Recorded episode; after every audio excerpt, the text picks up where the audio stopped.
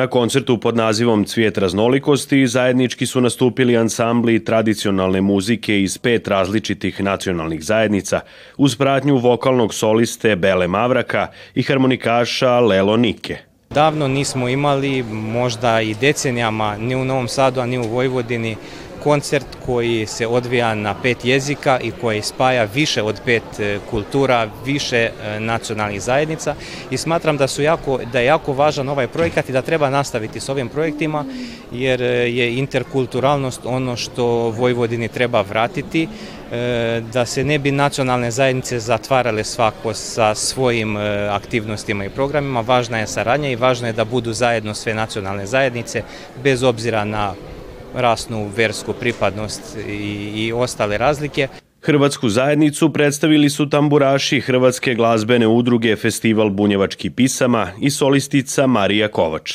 Ovo je prvo nama iskustvo ovakav nekav program i upoznati druge nacionalne manjine kako sviraju, njihovu vrstu muzike, doničuju našu i naravno kad zajedno svi sviramo, što kaže muzika je univerzalni jezik i tu se svi jako dobro razumemo i sve je na probama dobro, znači neovisno to koje kojim jezikom priča, kad se krene muzika to je sve jedan jezik. Pet manjinskih zavoda za kulturu danas u Novom Sadu svjedoči jednu izvrsnu suradnju. Večerašnji koncert je zapravo nastavak naših prethodnih suradnji, a ovo večeras je jedinstveni koncert koji pokazuje bogatstvo ne samo naroda, ne samo kulture, nego zajedništva ljudi koji ovdje žive. Pa evo Novi Sad je danas srce Vojvodine, mi kao Vojvođani pokazujemo jednu širinu, E, na našem horizontu zapravo cvjetaju cvjetovih različitih boja i zato je ovaj cvijet raznolikosti posebno važan za nas. Kulturni prostor Hrvatske zajednice u Vojvodini je izuzetno bogat, kvalitetan. Ovo su prilike da dio onoga što radimo kada je u pitanju područja glazbe prezentiramo.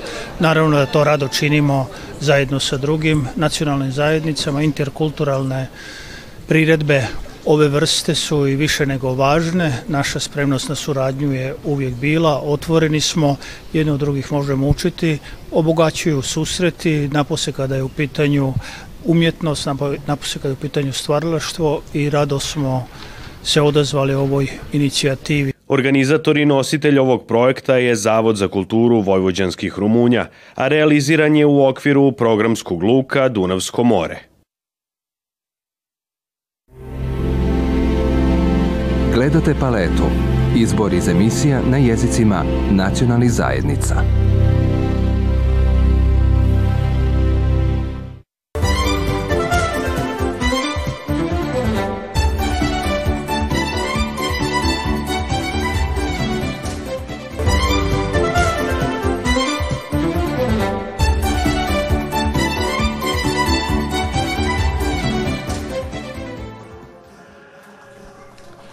Mladi iz Hrvatske, Mađarske, Rumunjske, Srbije i Njemačke deset dana učili su cirkuske vještine i akrobacije, a ono što su naučili pokazali su na završnoj predstavi.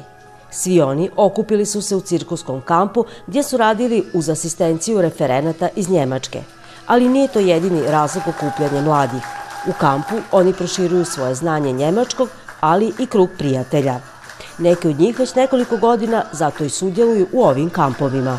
Pa do sad je samo bio medijen mediji su me od uvijek zanimali, a sad su me nagovorili i na cirkus. I koliko je bilo teško da naučiti sve ove akrobacije koje ste pokazali?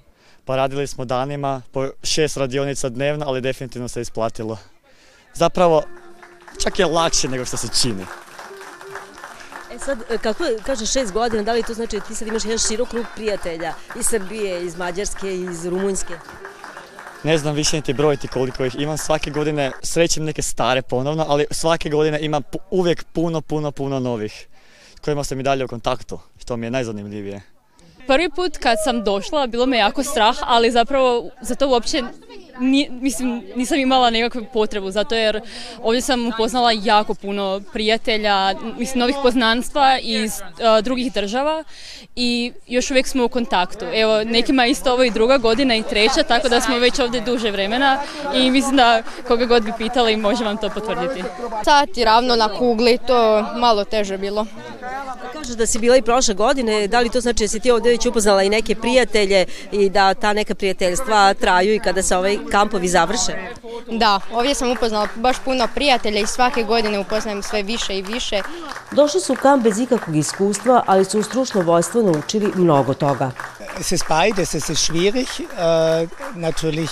Istovremeno, znači za 10 dana istovremeno i lako i teško e, pripremiti program. Zapravo e, lako je zbog toga što to pričinjava mnoge, mnoge, mnoga zadovoljstva koje mladi međusobno imaju. Ove godine smo imali moto da pomerimo granice, pa smo mnogo toga isprobavali i to je zapravo, i to je zapravo nešto što, što motiviše jel, da, da pomerimo svoje granice. Kamp je organiziralo humanitarno udruženje Njemaca Gerhard i Sombora uz potporu donatora iz Njemačke.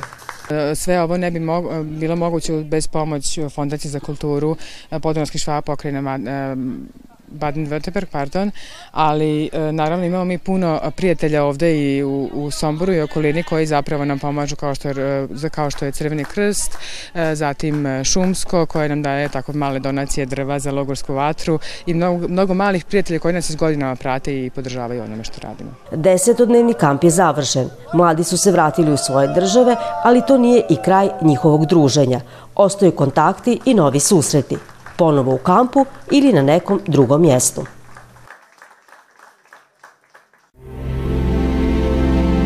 Gledate paletu. Izbor iz emisija na jezicima nacionalnih zajednica.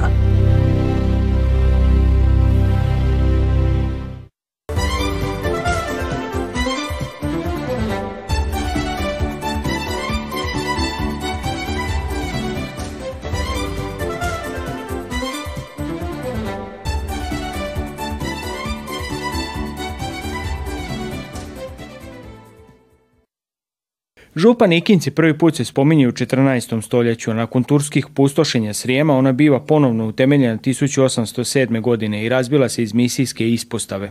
Nakon dvije drvene crkvice koje su bile posvećene Svetom Antunu, 1852. godine izgrađena je zidena crkva, ali ona je srušena u bombardiranju 1944. godine. Danas postojeća crkva podignuta je prije 50 godina.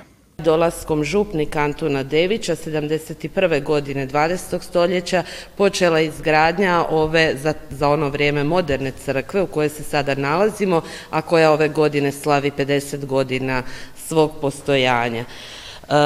Broj župljana od tada je u stalnom opadanju i tako su pesimisti govorili da crkva tada i ne treba. No, tadašnji župnik je preuzeo župu i on je uspio da razuvjeri sve e, malodušne i počeo je s gradnjom tada nove ove crkve. E, i e, svojom zauzetošću i uz pomoć župljana i dobrih ljudi diljem zemlje i inozemstva nikla je ova crkva 1972. godine. E, ova nova crkva je zamalo doživela sudbinu e, svoje stare prethodnice, jer koncem 20. stoljeća došli su novi ratovi, nove prostore, bilo je postavljen eksploziv, međutim, Bogu hvala, obnovljeno je, nije bila pričinjena nikakva velika materija materijalna šteta. Župnik Anton Dević je započeo gradnju i završio, on je i završio e, gradnju i za toga, budući crkva nova nije bilo neki veliki ulaganje, jedino što smo je prije nekoliko godina izvana okrečili. Svi kažu da je crkva moderna, da je poput neke robne kuće, onda izgleda poput nekoga silosa, ali iznutra je divna, lepa, fina je, e, krasi je e, veliki kip svetog Antuna, je e, križni put i jedno, jednolađna je i u modernom stilu je napravljena crkva, e, dosta je funkcionalna, može se dobro zagrijati, E, preko zime, a ljeti se možda hlad nije velika. Mali je broj župa u stremu koje se mogu pohvaliti tolikom dugom povješću postojanja i drago nam je da smo opstali uprkos svim e, prošlim vremenima, tako da Bogu hvala župa i dalje živi, aktivna je, e, vjernika ima, jeste da je broj u opadanju, ali imamo redovito sve te mise, vjeronauk se drži, tu je jedan određen broj djece, negdje oko 20 dakle, koji pohađaju osnovnu školu i župni vjeronauka, isto tako i školski vjeronauk u školi. Unatoč brojnim zbivanjima i nedaćama kroz povijest, župna zajednica koja danas broji oko 360 vjernika ne gubi nadu da će uspjeti opstati u Nikincima i svjedočiti svoju vjeru.